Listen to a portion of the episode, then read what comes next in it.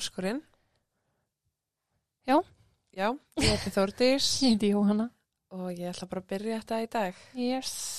Yes, sirrý.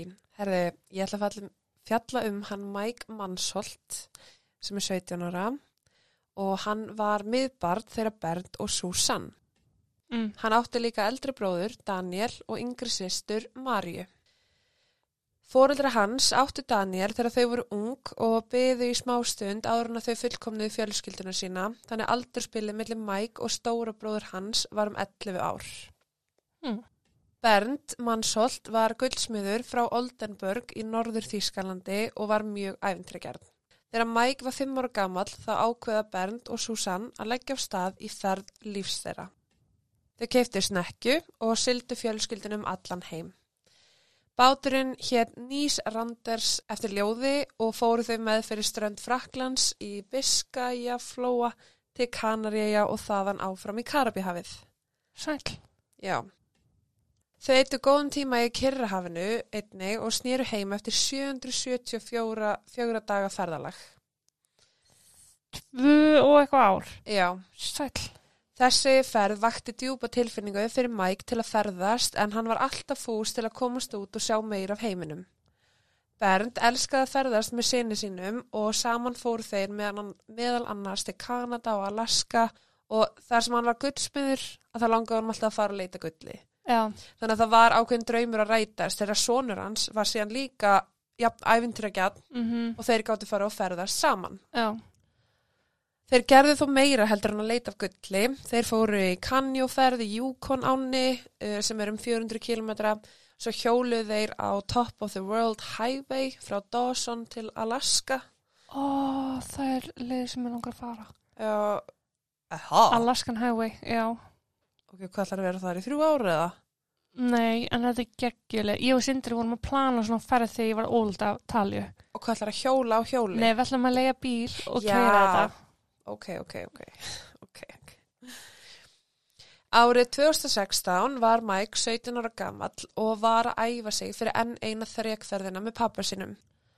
Að þessu sinni ætluðu þeir að fara til Íslands. Nei. Þar sem að þeir ætluðu að keppa í sinni fyrsta marathóni í tilefni af 18 ára ammali Mike. Ok. Þrátt fyrir öll ferðalögin og alla þessa þjálfun sem hann stundaði með föðu sinum, þá hjælt hann samt sem áður áfram í skóla og útskrifaðist úr fyrsta bekk í mentó. En hann vissi alltaf að hann myndi velja sér feril sem hann myndi gera hann hamingsaman en ekki ríkan. Já. Bernd tók Mike með sér þegar hann flög flugmódel og Mike var strax ástfangin og þar með ákvaðan að verða flugvélaverkfræðingur og ætlaði að smíða flugvélar. Ok. Á samt hundruðum annara umsækjanda sótti hann um starfsnám hjá Airbus. Þetta var strámt ferli en á endanum var Mike sá sem að var bóði starfið. Hann hafði lokið skóla og var á leiðin að hefja draumaferil sinn og lífið gæti ekki verið betra. Í júli árið 2016 ákvað hann að nýta sumafríu sitt í að ferðast til Möldu. Þetta var fyrsta frí án fóreldrans og pappans Bernd var svo sem ekki ávíkjufullur þar sem að hann hafi kent Mike margt í gegnum lífsleðina og hann hafi alist uppi að ferðast um heiminn. Hann vissi hætturnar og gildrurnar og hvernig þetta forðast þær. Mhm. Mike var áriðanlegur, hann mætti alltaf þegar hann sagðist alveg að gera það og hann lét alltaf vita af sér. Hann var ábyrgur ungum maður tilbúin til að takast á við heiminn. Bert sagði við són sinn árun hann fór. Fyrsta ferði mín var hjólatúr sem að endaði á tjálstæði. Þú ert að fljúa til Möldu. Hvað næst? Ætlar til Mars. Næ. Malta er sjálfstætt eigiríki þar sem að heimamenn tala bæði maltnesku, Mm. maltese Mhm. og ensku og er eigin staðsett suður af Sikilei um það byl einnar og halvara klukkustunda fjarlæður með ferju. Ástæðan fyrir því að Mike valdi að heimsækja Möldu var út af kæristunni hans en hún hafði sérst verið í tungumálaskóla á eiginni og hann fór til að heimsækja hana. Ok. Mike kom þann 8. júli og eitti viku með kæristunni sinni þar. Þann 17. júli fór hún eins og til stóð aftur heim til Þýskalands en hann ákveði að vera áfram að skoða eiguna í nokkra daga áður en að hann myndi á endanum fara heim á ný. Mm. Hann dvaldi á Astra, litlu hóteli sem staðsett var austan eigunar. Þar sem að Mike var ævintýra maður var hann að leita af einhvers konar áskorun. Hann var í toppformi uh, þar sem hann hafði verið að æfa sig fyrir marathonu í Íslandi. GoPro myndavélin hans var alltaf á og var hann á góðri leið að verða myndbans upptökum maður og ljósmyndari. Hann hafði gott auga til að fanga sjálfgef og falleg augnablík á meðan hann tók sjálfan sig upp við að klifra á kanjó eða hjóla. Ok. En hann var bara, þú veist, alltaf með þessa GoPro-vél á sér annarkort á hausnum eða einhverstaðar Mhm. var að taka upp bara allt sem hann var að gera. Mm. Þegar Mike kom ekki klukkan 22.15 aftur á Breman flugvöll í Þýskalandi eins og til stóð, þá vissi móður hans og sýstir hans að eitthvað væri að. Alltaf þegar þær reyndu að ringja í hann þá fór það beint í talhólf. Tengiflögið hans frá Frankfurt hafði verið aflýst en hann hafði heldur aldrei mætt þanga til að byrja með. Þetta var mjög stressandi ástand fyrir fjölskylduna þar sem þau reynda að finna út bestu leiðina til að skoða ferðir hans og finna staðsendinguna á honum. Fadir hans, Bernd, var í fríi í Króatíu þegar fyrirrandi eiginkonan hans tilkynnti honum ástandið. Hann gerði ráðstafanir til þess að komast aftur til Oldenburg eins fljóttu auði var. Oldenburg er þar sem þau byggu Já. Á sama tíma hafði mamma Mikes þá ókveikjandi tilfinningu að Mike var í vandræðum og klukkan tvö morgni fór hún til lauruglunar í Oldenburg og tilkynnt að hans var í saknað. En það er sérst bara að hann mætti ekki að flugullin, svo, hann- svo var hann ekki svara símanum. Já. Og þau vissu bara strax hvernig sonur þeirra er. Mm Og þú veist þetta það hann er undir aldrei eða ekki. jú, hann er að verða 18 ára Já. og þetta flug er að kvöldi til, þannig að það er mjög óleglegt að hann hafi sofið yfir sig. Já. Þegar að lauruglumadurinn á vaktinni setti upplýsingar Mike í kerfið þá komst hann að því að hans hafði verið saknað í fjóra daga og það hafði verið skráð í möldu. Nú? Já, en enginn let vita. Þegar hann skilaði ekki hjóli sem hann hafði tekið á leigu þá hafði fyrirtæki látið lauruglunum vita. Lauruglan leitaði hans en hafði ekki fundið neinar upplýsingar um dvalastað og máli var tilkynnt til sagt, þýsku alríkis lauruglunar þarna. Já. Og fóreldra Mike var náttúrulega bara mjög reyði við því að þeim hafi ekki verið tilkynnt málið, þú veist, sonuðin er búin að týndur fjóru daga í möldu, Akkurat. það er engum sem að dettur í huga að láta þið vita. Já, það skrítið, sko. Ah, já. Í örvendingu eftir svörum ákvað Bernd að fara sjálfur til möldu til að aðstofa við leitina af seni sínum. Mamman skaf lauruglinni myndir af honum, bankaupplýsingar, farsimanúmer og raun bara allt sem hann gæti mögulega hjálpa til. Þískir rannsóknarmenn gáttu staðfest að Mike fór ekki með öðru flugi frá möldu. Það voru engin merki um hann, hjólið hans eða eigur hans. Nei. Þar sem ekkit um hann fannst í möldu þá ákvað lauruglan að skoða nágranna eigjar uh, Gósó, Kunsjóni, Interleb whatever eiginnar í kring, já, já. já, allavega Þeir höfðu samband við ferðarþjónustuna en engar frekari upplýsingar fengust að svo stöttu. Lauruglan ámöldu reynda útbúa tímalínu í aðdraðanda kvarfsins og eftirlýsmyndaðlar á hótelinu Astra náðu síðustu augnablíkunum hans þegar hann yfirgaf hótelið. En sem sagt, að morgni 18. júli fór hann af hótelherbygginu sínu sem var nummer 105 og þá var klukkan 8.39 um morgunin. Ok. Hann var í bláum stuttarmaból með dökkan bakpoka á öxlunum og hafði farsíman í hendinni. Hálftíma síðar kom hann aftur, mjög líklega eftir að hafa fengið sér morgumat á hótelinu og þegar hann kom aftur á herbyggi sitt, þá hringdi hann í móttökuna og baði um reikning. Hann yfirgaf síðan hótelherbyggi sitt klukkan 09.55 og lagði leið sína niður á höfn, þar sem hann leiði sér hjól í næstu tvo daga. Já. Það hjól var Lombardo 270 með léttum ramma og tilvalin til að hjóla brattarhæðir. Það var sérst bara fjallahjól. Ok. Hann sendi kæristunni sinni skilabóð skömmu eftir klukkan 10 morgunin og sagði að hann ætlaði, ætlaði að leiða sér hjól. sagði að hann ætlaði að leiða sér hjól. Hann sagði, veginir eru svo brattir, ég skal senda þið myndir. Þú getur aðeins klifra upp á sömu stöðum en þú kemst ekki upp með hjólið. Þetta er íþrótt áskorun en I like it. Mm. Þetta voru síðustu skilabóðin sem einhver fekk frá Mike. Rannsakadur gætu komist að því að hann eitti deginum sínum í að skoða sig um á svæðinu. Fyrsti viðkomistæðurinn hans var við fornu rómversku katakomburnar í Rabat Já, já. um 17 km frá Sliema. Slema, já. Ok, sem er sérst á þessu svæði, já, þar sem já. hann er. Bernd, Mansholt og Daniel, bróður hans, flugu yfir til möldu og byrju að leita sjálfur af Mike. Allir á möldu vissu um leitina að þýska táningnum sem að sakna var en enginn hafði séðan. Svo kom forvitnilegt símtal á borð lauruglu. Sjúklingur á sjúkrahúsi á staðnum ringdi yfirvöld til að segja þeim að hann hafði séð Mike á sjúkrahúsinu. Þetta var fyrsta ábyrtingin sem barst lauruglu og voru þeir mjög spenntir að geta skoða það nánar. Hins vegar kom stemma í ljós að maðurinn var með ofskinjanir vegna livja og Mike hafði aldrei verið lagður inn á þetta sjúkrahús.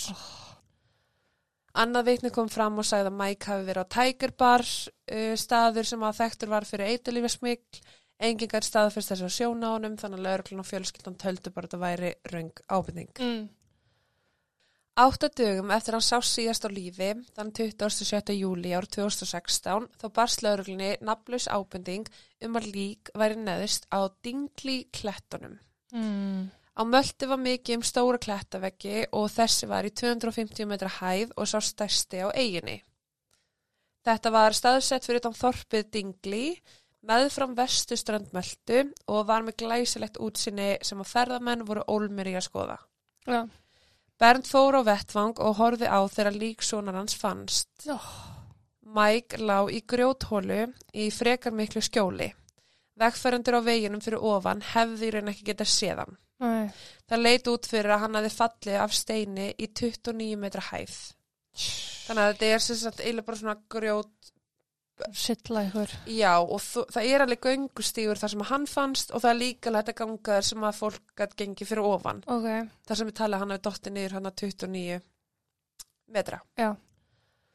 Strygaskórnir hans og sólgleru voru nálagt líkinu og hjólið uh, var hálfa leið upp brekkuna. Sætið á hjólinu snýri til hlýðar og aftur hjólið var flatt. Það hafði nokkra rispur á sér en fyrir utan það var hjólið nokkuð heilt.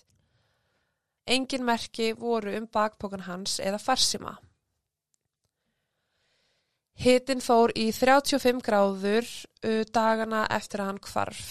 Lík hans hafði leiði í sólinni í átta daga og því var mjög erfitt að bera kennsl á það.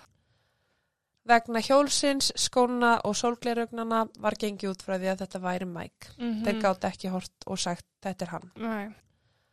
DNA rannsókn myndi síðar staðfesta að svo væri. Eitt læknan á staðnum sagði Bernd að bakið á hinnum látna hafi verið brotið á tveimur stöðum. Hann hafi því dáið fljótt og þeir vissu að minnstakosti að hann hefði ekki þjáðust. Ok.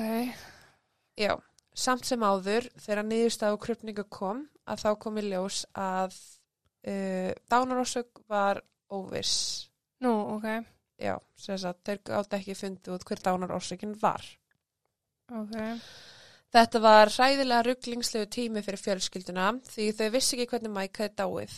Rökrétt forsenda var að um slísværa ræða að Mike hafi mist stjórn á hjóluna á einhvern hátt á meðan hann hjólaði og datt fram á bjargbrúninni.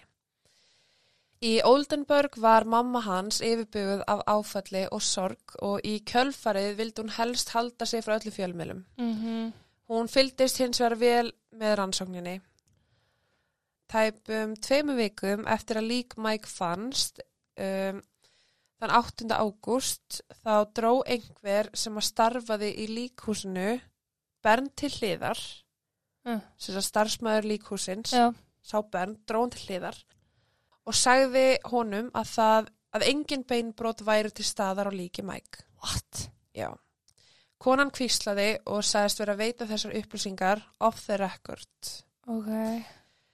17 ára stráku var látin og allar upplýsingar krup, varandi krupninguna hans ættu klálega að vera á skrá. Hún var Mhm. sagt að hann hefði, hann að tvö bein voru brotin í bakinu og svo er þessi starfsmæður, þessi kona sem segir bara það voru engin beinbrot Mm. Og bara þetta er. Þú Veist, það, enginn viti þetta.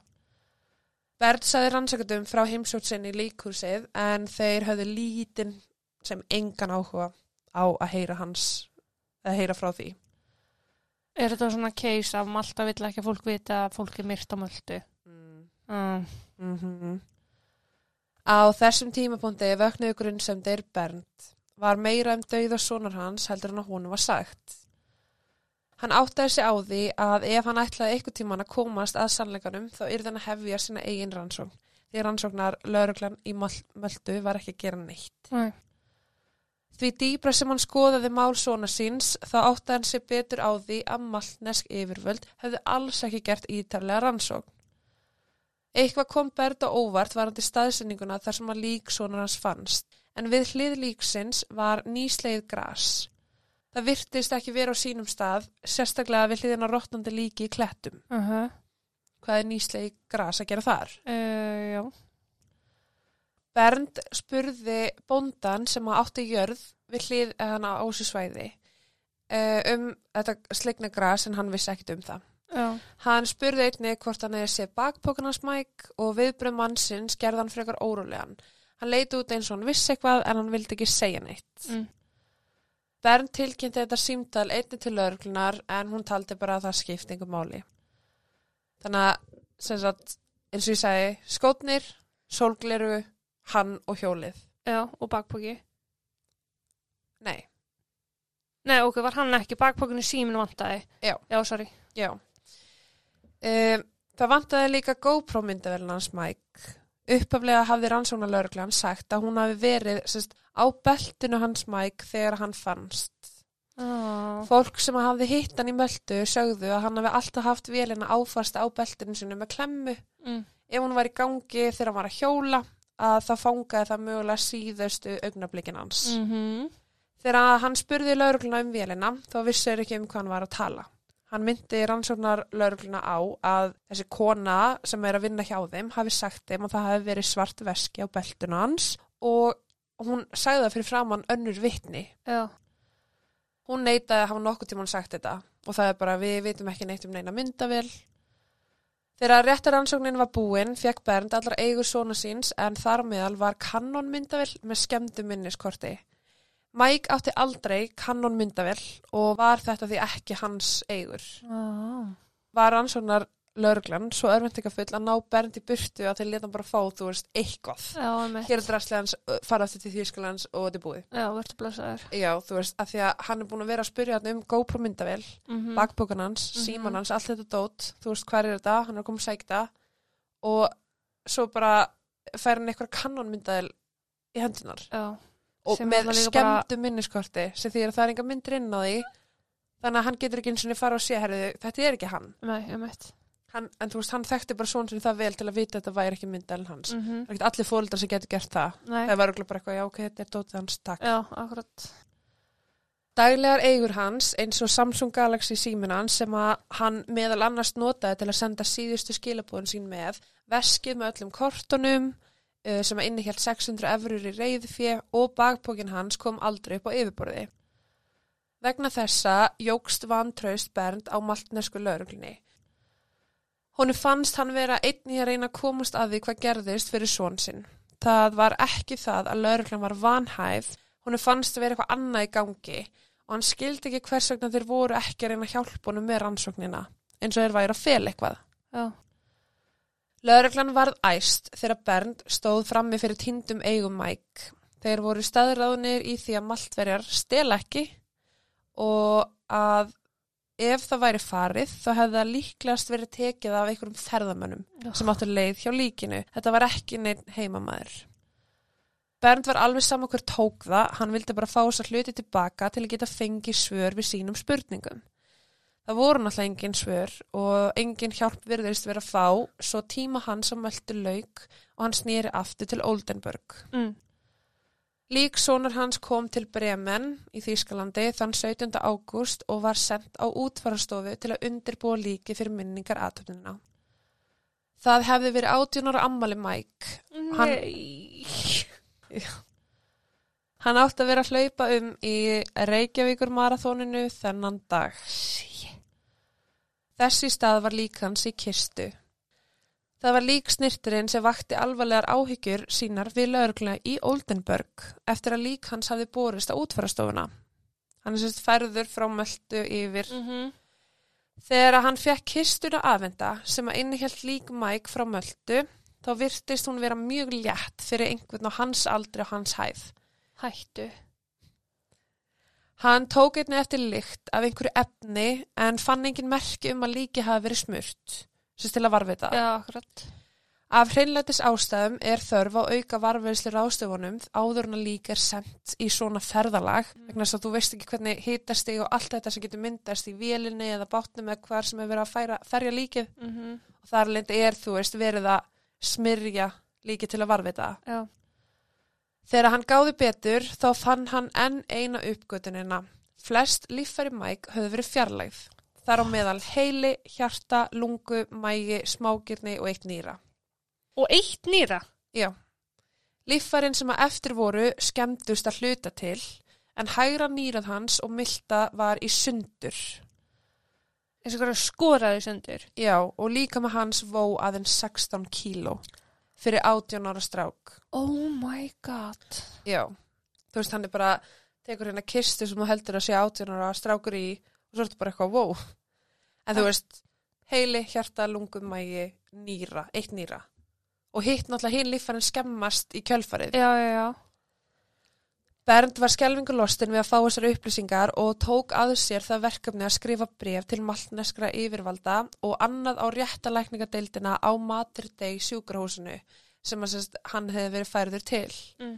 Í því brefi baðan þau um að senda sér líffærin sem að saknað væri. Já. Uh, Mario Skerri virtur réttalæknir tilkynnti Bernd að líffærin höfði ekki verið til staðar þegar að Mike kom á sjúkrahúsið í fyrstu krumninguna. Og datum ekki til huga nefna það eitthvað. Mm.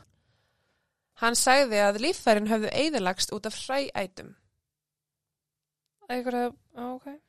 að það hefði bara dýr og eitthvað borða. Já. Yfirlýsingar hans voru mismunandi, stundum sagðan mís, svo rottur. Besta ágiskun hans til að útskýra fjárveru heilans var að hann hefði orðið fljótandi. Heilin. Ok. Þegar krupning á sér stað þá er ytri skoðun framkvæmt og þá er sér skoða föt, húð, sjáalega marblett og sár. Já. Ískurður er svo gerður til að opna brjóskassan á kviðin. Líffæri eru skoðu á sínum stað áður en þau eru fjarlægð og þegar svo er gert þá eru þau viktuð, mæld og síni tekin af þeim. Mm Það er í einstöku tilfellum þar sem að heilin er fjarlægur með útskurði aftan á höfði og eftir skoðun eru líffæri sett aftur á sinn stað, líkamann saumaður saman og þvegin. Mhm. Þannig að ef líka hans hefði verið rannsakað á fullægindi hátt, þá hljóta allir líkaslutar hans að hafa verið settur aftur í líkama hans áður en hann var fluttu til Þýskalands. Ef líffæri vantaði mátti búast við því að réttalæknir myndi skrifa aðtjóðsemt um það til að upplýsa útfara stjórn um það, en það er frekar óvinnilegt ef að líffærin er ekki til staðar. Mhm. Þetta var því orðið alþjóðlegt mál og embættir saksóknara í Oldenburg tók við líki Mikes. Hann var sendur á réttar rannsóknastofu, þú veist, pældi, hann- þau get ekki eins og grafið barnið sitt, sko. Hann var sendur á réttar rannsóknastofu við háskólan í Hannover til að vera kröfður upp á nýtt. Þýskir meinafræðingar fundu enga áverka á líkama Mike sem að myndi samramast því að detta fram af kletti. Þar sem starfsmæður líkhúsins á Möltu hafði sagt Berndi trúnaði voru í raun staðfest þarna. Það voru engi beinbrot eða yfirbors áverkar. Það var ekki eitt broti bein í öllum líkama hans Mike. En býtu, engir yfirbrost áverkar en það var búið þessi líffæri. Jep, Hvernig var það gert? akkurat. Það vill það, sagt, þessi fyrsti réttu meinafræðingur Mm. vill meina að rotta hafa bara komist inn í hann og getið inneflin innan frá. What? Ok. Já. Þegar að hann fjall niður 29 metra vegg mátti búast við því að sjá einhverja skurða á honum. Þetta Já. er 20, þetta er 30 metrar. Já. Mér finnst alveg vera slatti þegar hún fellur á stein, sko. Já, það er líka ef þú dettur úr steinbróð þinni eigin hæð, bara það sem þú ert há að dettur beint, þú, þá myndir springa hérna Ah. Húðin, skilur. Akkurat. Uh, það var ekki til staðar. Þú veist, hann var ekki með einhverjar áverka eins og skurði og eitthvað slíkt beinbrot. Nei, Húnum hefur bara komið fyrir hana. Já. Hvað var þar yfirlýsingum maltneska réttalæknisins um að nagdýr hafi getið líffærin hans? Þá sögðu þýskir réttafræðingar að ljóst væri að engin bitmerki voru til staðar nokkuð staðar á líkamannum. Rottan þarf væntalega að komast inn Emitt. og það var ekki þannig til staðar. Höfukúpan hans var ekki brotin og það eru engin merkjum áverka eftir fall. Þeir voru líka ósamála tilgáttinu um að heilin hafi verið fljótandi þar sem að það voru engar leifar eftir. Það var bara heilin var bara farin. Heilin var bara farin og þú veist, ef hann var fljótandi og náttúrulega lag, þá ættir að geta fundið einhver ummerki um það. Möguleg orsök dauða hans gat hafa verið vegna innvortisblæðinga en þar sem að flest líffæri hans vantaði, þá var ómögulegt að álíkta um það. Jésús minn. Annar valkostur var kirking þar sem að hæjóit beinið hans var farið sem er sérst beinið sem er í hálsurum þannig að það ert kirtur þá brotnaða en það var farið þannig að Mm. þeir gátt ekki vita hvort það var brotið eða ekki Þetta er venjulega vísbending um að einhver hafi verið kirtur sérst þegar beinið er ek- ekki lengur til staðar Já. en aftur þar sem að líffæri hans voru ekki á staðnum þá er ómögulegt að ákvara það og komast að niðurstöðu og að lokum gætt þýska réttar rannsóknin ekki sagt til um það hvernig Mike hafi látist þannig að það var ekki hægt að útiloka eitthvað saknæmt hafi átt sér stað en það var heldur ekki hægt að segja að það hafi ekki Nei. þannig að þetta gætt verið slís þetta gætt verið, verið hvað sem er Já. Fyrir dómstólnum var dauði hans úrskurðaður sakamál og þýska rannsóknin hófst. Það var sem sagt, krupningin í Malta sagði undetermined Mhm. og þá er bara slis, bless og þú veist hann datt bara. Já. Og nú er þýski dómstólinn bara eitthvað herðu okkur, það er, við þurfum að skoða þess betur. Mhm. Frá upphafi tóku þeir eftir því að mikið ósamræmi var á rannsókninni í Möldu. Rannsakandur urða íhuga alla möguleika og skoða allar upplýsingar sem þeir höfðu aðgang að og þeir byrjuðu frá grunni. Þeir voru að horfa dauða ungsmann sem átti framtíðina fyrir sér. Hann var spenntur fyrir komandi tímum, mjög hamingsamur og hafði enga ástæði til að binda enda á lífsitt. Þar lendi bara sjálfsmorð off. Já. Fyrir það að það var ekkert brotið, hann getur ekki að kasta sig hann niður. Hann komst ekkert náttúrulega sjálfur. Nei. Lík hans fannst ekki samræmi við eitthvað sem að hefði stokkið fram á björginu. Eftir að hafa skoðað nánar þá gátu þeir án allrar óvissu útilokað að þetta hefði verið sjálfsmorð. Þeir útilokaðu einnig að hann hafi yfir höfuð farið fram af bjarg brúninni. Mhm. Ef þetta hefði verið raunin hefði hjólið hans verið nær líkamanns. Já. Að ef hann er að hjóla þarna og dettur fram af að þá ætti, já, þá vilja þeir sérst meina eftir rannsóknuna þeirra að hjóli myndi vera nær líkinu. Það, ekki hefði líka verið meira skemmt. Það sást var láði. Já, sástvallega Það var í henglur. uh Það er dóttir einn 30 metra. Já. Leiðin sem Mike fór var mjög vinsæl þennan dag meðal hjólreðmanna. Hann hafði verið að æfa fyrir marathon með pappa sínum og var því mjög góðu formi. Mhm. Einn kenningin var svo að það hafi verið bílslis, sem sagt að bíl hafi keirt á hann hjólandi og drepið hann. Þegar aukumæðurinn áttaði sig á því hvað þið gerst, þá bar hann, hugsanlega með hjálp farþega, lík hans niður klettina til að fela það. Flegðu líka hjólunans og tóku bakpoka Mike og GoPro í tilraun til að leina sönnugögnum Mm. og mögulega selja það bara og fá penning. Ef þetta var raunin, þá gata hann hafa dáið úr innvortis blæðingum. En án þess að rannsaka líffæri hans var ómögulegt að staðfesta þessa kenningu og Mike hafði náttúrulega ekkert beinbrotnað sem að þýðir að það er þá kannski enn og aftur ólíklega að hann hafa orðið fyrir bíl. Mhm. Önnur kenning sem að rannsakandur veltu fyrir sér var að hann hafi orðið fyrir skoti, uh, dingli klettarnir, er eitt fára stað á möldu þar sem að fuggla veiðimenn fara.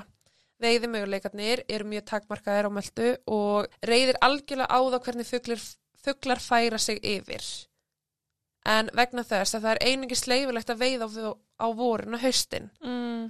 Mike lést um mitt sumar að auki voru 2015 og 2016 mert sem tvö framsækin ár skotveiða þar sem að fugglaveiði var mjög vinsæl. Slýsing geta gerst og mögulega gæti hann hafa fengið skot í sig af einstaklingi sem ákvaða hunsa leifisreglurnar sem sagt, Mhm. og var þá bara skjótað hann á klettunum en líka mann var ekkert mennin einhver að að segja það er það er engri áverkar. Nei, þú veist þetta var bara kenningan sem lauruglan er svona hvað með þetta, hvað með þetta, hvað með þetta. Já. Þriða kenningin er svo að það hafi verið bara robbery gone wrong. Mm. Uh, kannski sá einhver unga ferðamannin einn á ferð með mikið að verðmætum á sér og taldi hann vera auðvelt skotmark. Ef þetta var raunin, þá þýtti það líklega að ræningin eða ræningjarnir hefðu þurft að yfirbugan fyrst. Áður en gáttu ræntan, Já. sérst vildi bara eiga verðmætin hans.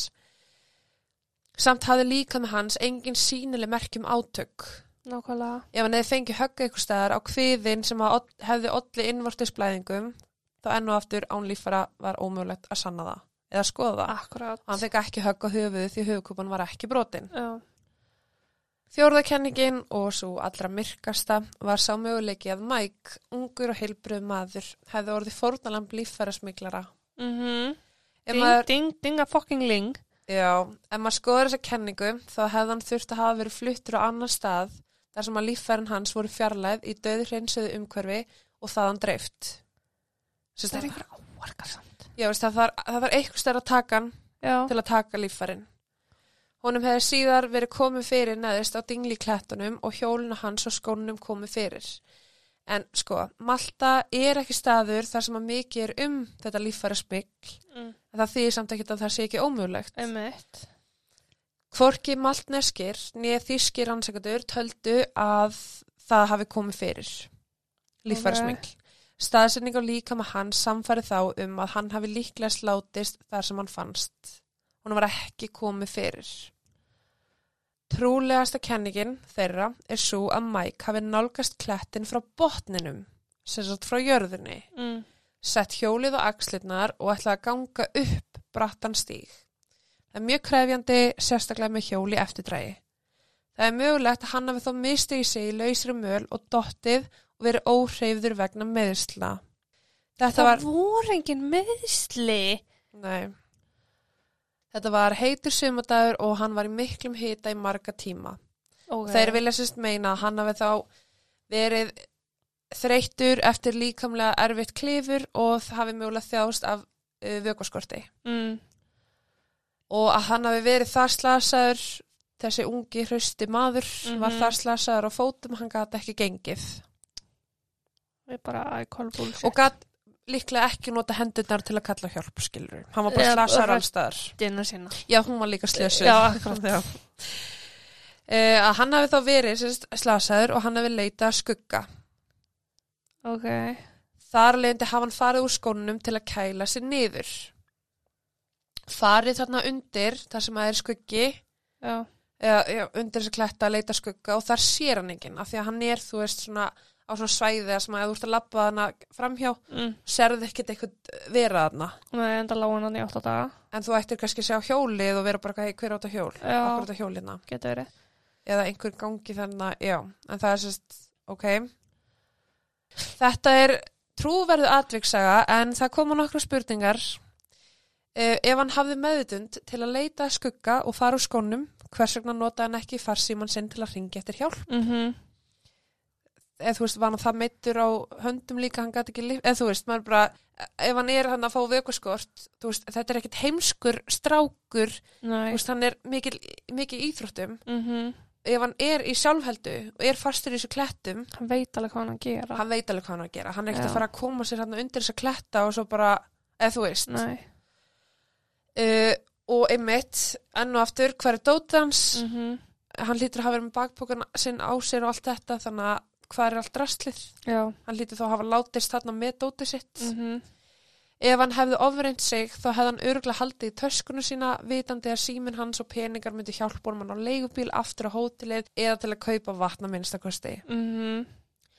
Hann hafði áður tekið langar hjólaferði með föður sínum í heitum löndum og vissi mæta vel að hann myndi þurfa á vatna að halda. Einmitt. Þannig að það er, þú veist, Regla nummer eitt út í útlöndum punktur. já, hann myndi, sko þessu fadur hann sagði bara að hann myndi aldrei fara í þessa hjólaferð í þessum hita án þess að hafa vatn með. Nei.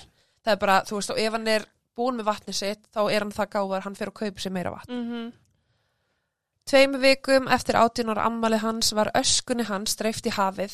Fjölskyldunni fannst þetta vera það sem að Mike hefði viljað og alltaf þegar þau hafa sérst, farið í siglingu að þá líðu þeim eins og hann sé með þeim. Oh, brjóttu mig hjartað. Akkurat. Bert komst að þeirri niðurstöðu sem var þvert á það sem að maltneska lögreglan helt fram uh, að Mike hafi ekki dáið að slýsa fyrir og einhver veit hvað kom fyrir hann. Morðingi Mike tók líklega bakpokan hans vitandi að hann var með stóra peninga upp að meðferðis. Bernd trúið því fastlega að ef þetta hefði verið slís, ef hann hefði dottið í hjólinu sínu niður klettin, þá hefði bakpokin hans verið með honum og mögulega á honum Mm og hann alltaf hann hefði verið með eitthvað áverka. Já. Malnes yfirvöld, þú veist, þarna voru búin að vera rannsakata og maltnesk yfirvöld enn á ný komist að þeirra niðurstu að dauði hans hafi verið hörmulegt slís og ekkert annað. Og þrátt fyrir marga beðinir þá neituðu þeir alltaf að taka upp máli að nýju. Bernd hafði marga spurningar, honu fannst til dæmi skrítið að lögreglan reyndi ekki að hafa upp á nafnlausa aðilanum sem að tilkynntu um líkfundin. Hvers vegna kaus hann að vera nafnlaus og af hverju var hann ekki á staðnum þegar lögreglan kom? Já. Var hann eða hún morðingi hans og var með eitthvað samvinskunni, uh, var þetta kannski þjófur sem var stál eigum hans að vettfangi, veist, en þetta er líka, þarlindir er þetta líka gott vittni, Já. hvað var hann þegar þú komst að líkinu, var mm bakpókin hann, var hann ekki, GoPro-myndavelin sem að Mhm. lögreglukonan sagðist hafa séð, Já. sem er alltaf ekki til, Mm og ef hann er að hjóla þá er hann með GoPro-myndavelina sinni í gangi, Já. þannig að hann hefur þó tekið upp allt sem að gerðist, Hvað svo sem gerðist? nákvæmlega. Bernd átti líka erfitt með að koma bara þessu líffara uppskeru úr huga sínum. Þú veist að líffærin voru horfin. Já. Hann var tortryggin í garð maltneska yfirvalda og hafði stöðut á tilfinningunni að þau væri að fel eitthvað. Þeir voru staðránir í því að aldrei hafi komið upp mál með líffærasmikl á möldu, sem slöðurgna segja það, Já. en kannski var það leyndamál sem þeir þurft að þegja yfir. Getur verið. Hann heldur samt sem áður að það hef ekki átt sér stað með són sinn, en einhver tók samt sem áður líffærin og hver eru þau? Nákvæmlega. Sist, hann er bara eitthvað, herrið það myrt hann einhver og það er að reyna að fela, með því að taka líffærin þá er eitthvað að reyna að fela hvað virkilega gerðist. Já, ég set samt sko hversu illa leiki ætla lík sé eftir 8 dagi sól. Að ég er að hugsa, þú veist, nú er búið að taka gallblöðunum mér. Ég er með fjögur pínu lítil ör. Það er Mhm. af eitt inn í nafnalma mér. Já. En svo líka sko, ok, ef hann finnst án líffæra, Já. án heila Já, án, það er náttúrulega stórfyrirlegt. já, og finnst án allra líffæra, uh, þegar að sjúkra flutningamenn, slags lauruglan, slags uh, krupninga, þú veist, þeir sem að taka líkið af vettfangi, Mm. þeir hljóta átta sig á því að líkið er 16 kíló. Já. Já, þú veist, og svo fer það hana og akkur er til dæmis ekkert sagt um það bara eitthvað, þetta, þetta var rosalega létt. 16 kíló, það er sko aðeins meira en skilur eins og háls og skamans bann. Aha. Þannig að þú veist, af hverju var þá ekki strax bara eitthvað, hei, ok, af hverju, hvað er að gerast, af hverju er það Já. léttur. Og svo er með þetta, að þú veist, kryptoleiknirinn augljóslega, kryfðan ekki, Nei. því þá hann tekið eftir að vanta líffarinn Mm og gerði ekki neitt með líki og svo bara, bara sendur á bókstala bara sópandi, pósthúsið og send, þú veist, þetta er bara. Þessu var bara sópaðum teppið. Akkurat. Bernd snýri aftur til Böltu nokkru sinnum og reyndi að leysa ráðgötuna um dauða svona síns. Í nómbur árið 2017 stóð hann frammi fyrir aðal rannsakanda og réttalækni málsins. Bernd var með lista yfir spurningar og vildi fá svör. Að hans sögn uh, fekk hann ekki neins svör frá þeim. Eftir tilgangslust sem samtal þá var hann spurður hvenar hann ætlaði að yfirgefa eiguna. What? Ég veist, þetta er bara, er bara kallið minn, hvenær ætlað þú að fara? Gasti dónaskapur samt, Mhm. sko. Mm Í gegnum árin hefur Bernd haldið áfram baratu sinni fyrir að fá fullan aðgang að málaskrá svona síns. Einnig hefur verið leitað til sendiherra Möltu í Berlín vegna ástandsins. Mm. Uh, daginn eftir að hann leitaði til sendiherra Möltu í Berlín, Já. þá barst honum skrá, eða barst skrá til Þýska uteríkis ráðuneytisins uh, og upplýsingarnar þar voru ófullnægjandi. Sem sagt, Um hann, málið. já, sem sagt, hann talar við sendir á þeirra Möltu sem er staðsettur í Þýskalandi, Já. segir bara getið þú hjálpa mér og fengi þessar, fengi þessu gögn. Já. Hann gerir eitthvað og daginn eftir fær hann þessa skrá. En þar eru upplýsingarnar ófullnægjandi. Uh, það var sem sagt, þessi smálaskrá hans Mm. innihjalt uh, myndabjargbrúninni og nokkra grunn upplýsingar. Umfangsmestu upplýsingarnar voru í raun bara landfræðileg greining sem að sagði til um fjarlægð dinglikletta með við hvar lík hans fannst. Þú veist, sem að, Já, sem skiptir engum máli já, sem að skiptir hann engum máli. Það sem að sannaði hins vegar var þessi málaskrá sannaði að hann, hefði ekki geta hoppað fram á klettunum eða dottið þar þar sem að líka með hans hafði ekki verið undir sillunni. Já. Skráin frá Möldu innihjalt kvorki krupningaskíslu nýja vittnisspur sjónarvotta. Jafnvel þó það sé venja að skrá hver skref fyrir sig og taka myndir innan í krupningu, þá kom ekkert fram í þessari skýslu. Það var því ekkert nýtt fyrir Bernd eða þýskar rannsakandur að kanna.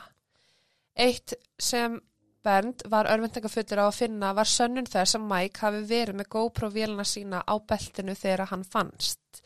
Bernd myndist þess að ljósmyndarar á glæpavettfangi tóku fullta myndum af líkinu hans og í nákvæmni við það.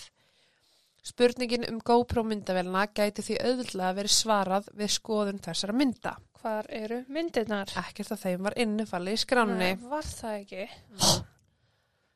Í loki janúar árið 2018 var máli hans endur upptekið í Möldu.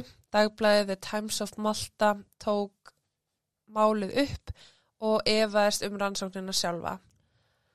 Fjóri mánuðum síðar, í apríl árið 2018, fekk hann loksins 200 blaðsina málaskrá um andlát svona síns. Ok. Fekk sem sagt bara skránans. Já. Þegar rannsókninni lauk í setna skipti komst dómarinn á möldu að því að þetta væri hræðilegt slis. Hann hafði fallið fram á björginu. Hins vegar í gegnum skrifstofu þeirra í Róm þá komst þíska alríkislauruglan BKA að því að þeirra líkið fannst þá lág hann á bakinu. Þetta var síðasta sönnun þess að hann hafði ekki fallið, hoppað, nýja verið kastað að björginu fyrir ofan uh, annarkvort lést hann á vettfangi eða var settur þar.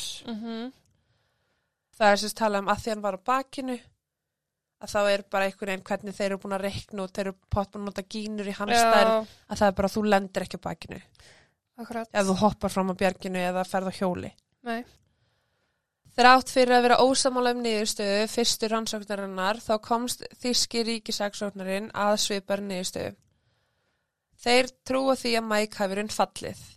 Tré og runnar höfðu hægt á honum þar sem að hann rann niður á staðinn þar sem hann fannst að lokum. Skrámulaus og allt í góðu bara. Já, Já.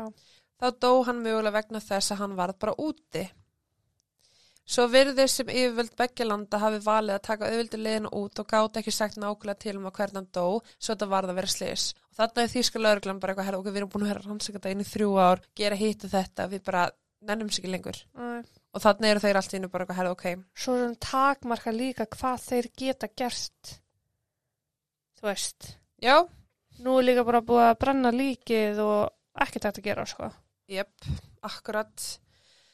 Um, þannig að það undarlega er að í seinni rannsókninni kom fram að þegar líki hans fannst að þá voru líffærin enn á sínum stað sem að stangast á við þessa nagdýra sögu hjá þessum uh. Mario Skerry. Já. Þannig að, sko, þú veist, þessi 200 blæsina málaskrá sem Mm. að hann fekk um svon sinn, þá kom í ljósa líffærin höfðu verið til staðar Já. og þessi Mario er bara eitthvað, nei, herðu okkur, það er bara rottur og eitthvað tekið lífærin. En Bernd hefur þó komist að þeirri kenningu, hann telur að það sé maltneskum réttalegtum að kenna, sagt, Mario er margverlunaður réttamennafræðingur og hefur oft gortað sig á því hversu fljótur hann er að gera krupningu. Kanski fullfljótur. Á YouTube má finna myndbænd á honum þar sem hann sagði að hann hefði verið stoltur að því að hafa lokið krupningu 29 flóttamanna sem hefði skólast upp á ströndmöldu á þremur dögum og að hann hefði tekið enga stund að gera það. Hann telur því að hann hafi krufið mæk í skyndi og hafi ekki tekist að koma líffærum hans aftur á sinn stað. Hann hafi síðan fleikt þeim eða gefið háskólanum þau í staðinn. En Mario neytar að viðkynna þessi mistök og sagði enn og aftur að nagdýr höfðu getið þau á vettvangi. Þannig að þetta, er bara orðum átti orði, það veit enginn hvort að líffærin voru þarna eða ekki. Nei. Svo var einhver blaðamaður uh, Daphne Galicia, Mm. hún lest sérst í bílsprengju, Já, akkurat. já, hún hafði skrifað grein uh, þar sem hún sagði sérst að einhver þingmaður eða læknir uh, hafði viðkjönd að hafa tekið líffæri úr líkhúsinu í Valetta til að læra heima hjá sér þegar hann var í læknaskóla. Wow. Já, hún hafði að skrifa grein um þetta og var bara að expósa Mm að líffæri hvað það er gert við þau Já. og svo deyr hún hérna á bílsprengju Uh og þá erum við tala um, gæti það útskilt hvað var um líffæri Mike, þú veist að þeir hafi bara tekið og svo er einhver Já. á því skilur Og Eh, bara vonast þess að engi takk eftir. því. Já, en á sama tíma hvernig dó hann? Þú veist að veit Já, það enginn Bent uh, hefur gefið út 10.000 efrur í verðlun fyrir allar upplýsingar sem að gætu komið um eitthvað og hann er með sömu sérst, auka 10.000 efrur í verðlun fyrir bakpókanans, símanans og GoPro myndavélina. Já. Uh, fjölskyldan þau letu bara setja upp svona minningarskjöld Já. í dingli klettunum Já. sem var í minningum Mike og þar segir bara Mike Mansholt, þú ert elskaður og þín er sár saknað. Já. Bernd hefur síðan þá gift sig aftur og tvö börn frá setna hjónabandi. Hann elskar hann þá að sigla, hann hefur lokað versluninu sinni í Oldenburg þar sem hann þreyttur að vera þekktur sem guldsmiðurinn sem að sonur hans dó. Já. Já. Því miður varð hann eða sætta sig við þá staðrönd að hann mun líklega aldrei vita hvað varð um Mike og Möldu eða hvað varð um líffærin hans. Nei. En uh, það er ekki aðeins ferðamenn sem að flykkjast í Möldu vegna sem alltaf er náttúrulega bara skattaskjól fyrir mörg fyrirtæki Uh -huh. og þessi Daphne sem að dó í bílsprenginni hún hefði til dæmis uh, skrifa grein og marga greina sem heita Maltaskrárnar sem er eins og Panama-skjölin Mm -hmm.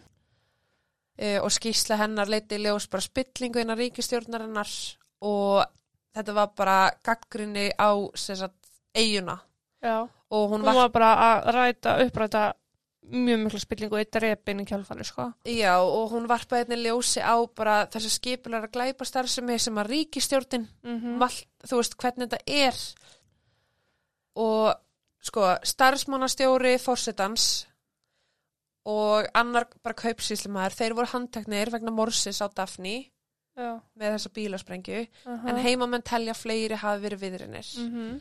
og sonurinnar uh, sem er einnig blaðamæður, hann talar núna óbeskátt í dagumöldu að þetta sé bara, bara peningaþvætti smýri þetta, Mhm. þú veist og að ferðamenn er að koma aðna og heyra þessa sögu um hvað útsinnið er fallegt og hlýtlofslag og þú veist allt þetta Mhm. en það er dimmur heimur sem að leynist á akkurat. bak við þetta og ég meina þú veist hún deyran og bílasprengi eftir að hafa expósa möldu Já.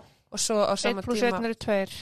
Já, og svo á sama tíma þú veist er Mike sem að finnst þarna þú veist það er eitthvað í gangi Það er auðvelt að sópa undir teppið, það bara getur ekki að vera, sko. akkurat, það er rosalega auðvelt um, þannig að þú veist, Já. það eru líka alveg eins og bara samsæriskenningar með að ríkstjórn möldu sé að gera eitthvað sem þeir ekki verið að gera Mm og það tengist náttúrulega líka inn á þú veist, að selja líffæri. Þetta eru svo mörg líffæri sem vanta. Já. þú veist, þetta er ekkert eitthvað bara að það vantar heilin og hann lag, ok, Nei, það vantar hann bara öll líffærin hans. Nákvæmlega. Og- hversu mikla peninga heldur að ríkistjórnin eða einhver fái fyrir að selja þessi líffæri? Þú veist, hvað kostar eitt hjarta á svörtu markaði? Það er rúglega mjög mikið, en það sem ég bara setja spurningumarki við er að þú þarfst að vera á lífi til að það að fjalla lífæriðin. já, Þú getur ekki verið dáin, þannig að það er, það er eitthvað mikið á bakvið, sko. já akkurat Þú veist, þú deyrið ekki á lífrinu tekin, þú ert á lífi þegar lífrinu er tekin. já, þess vegna einmitt er sko þetta með kenningunum þetta hafi verið líffærismikl er ekki náttúrulega krupningalæknirinn heldur að hann að hafi verið skorun upp og tekin áður já, en á sama tíma þú veist hann er ekki sem er brotin bein sko. Nei og engir ávarkar en eitt. En eins og ég segi það, þú veist, það er hægt að fjalla mjög mörg líffæri bara með skóp, en þú ætlar að gera það þannig að þú getur varðveitt að þú hlýtur bara að þurfa já, almennlegan skurð, sko. akkurat. Allt, allt of, allt of, allt of skrítið mál. Já, Fadir hans er núna bara að reyna að opna máli hans svona síns aftur. Þú veist, hann er búin að gefa út þetta verðluna fyrir eitthvað, en hann er ennþá, þú veist, það er náttúrulega 2016, mm. 2022 í dag, já, en hann er ennþá bara, herði, þú veist, ég vilja opna aðra rannsókn, er ekki einhver annar sem getur tekið veist, og Malta er bara eitthvað, herði, kall minn, þetta er bara slis, þú þarf bara að fara að fá þig róandi og slaka á. Já, en sko það er svo lítið þess að fara og hann er ekki með nægilega gögnin er alltaf bara að benda það sama slis Já. Það er meðal annars tala um að einhver, árið 2012, einhver Andrew Cross uh, sem var sérst í Hebrew University í Já. Jerusalem postaði sérst með Child Sacrifice of the Prophet og það er hann sérst að tala um að að þú veist, þetta, þetta er svo langt út fyrir sko minn þekkingarheim mm. en það er hann bara basically að tala um bara blood for blood, life for life að Já. honum hafi þá mögulega verið sagt, að þetta sé eitthvað svona kultural dæmi Já. og honum hafi þá einmitt hann hefði verið tekinn já, hafi verið fórnað þessna vantar allt í hann Það alveg punktur. já, en þú veist hver Ég veit ekki. Já, veist maður, æ, þetta er bara, þetta er svo mikið og það er auðvitað að velta rosalega mörgum kenningu fyrir sér, en já, eins og ég segi, ég, ég veit ekkert, en Nei. ég veit eitt, hann datt ekki hérna niður þessa kletta, sko. Nei, hann gerði það alveg heiklust ekki, sko. Nei, ekki skráma á honum, ekki það hann alltaf var alltaf útblásin út af exposure from the sun, Já. en Jesus. ég meina, hvað heldur þú? Ég bara, Já, er, það er svo lítið að ég líka bara, þú veist, lögreglukonun eitthvað var búin að Já. fyrir, þú veist, bara það ef GoPro-vilin finnst Það er einhver á sóbundusteppi hana og það er einhver að passa að GoPro-vilin finnist ekki.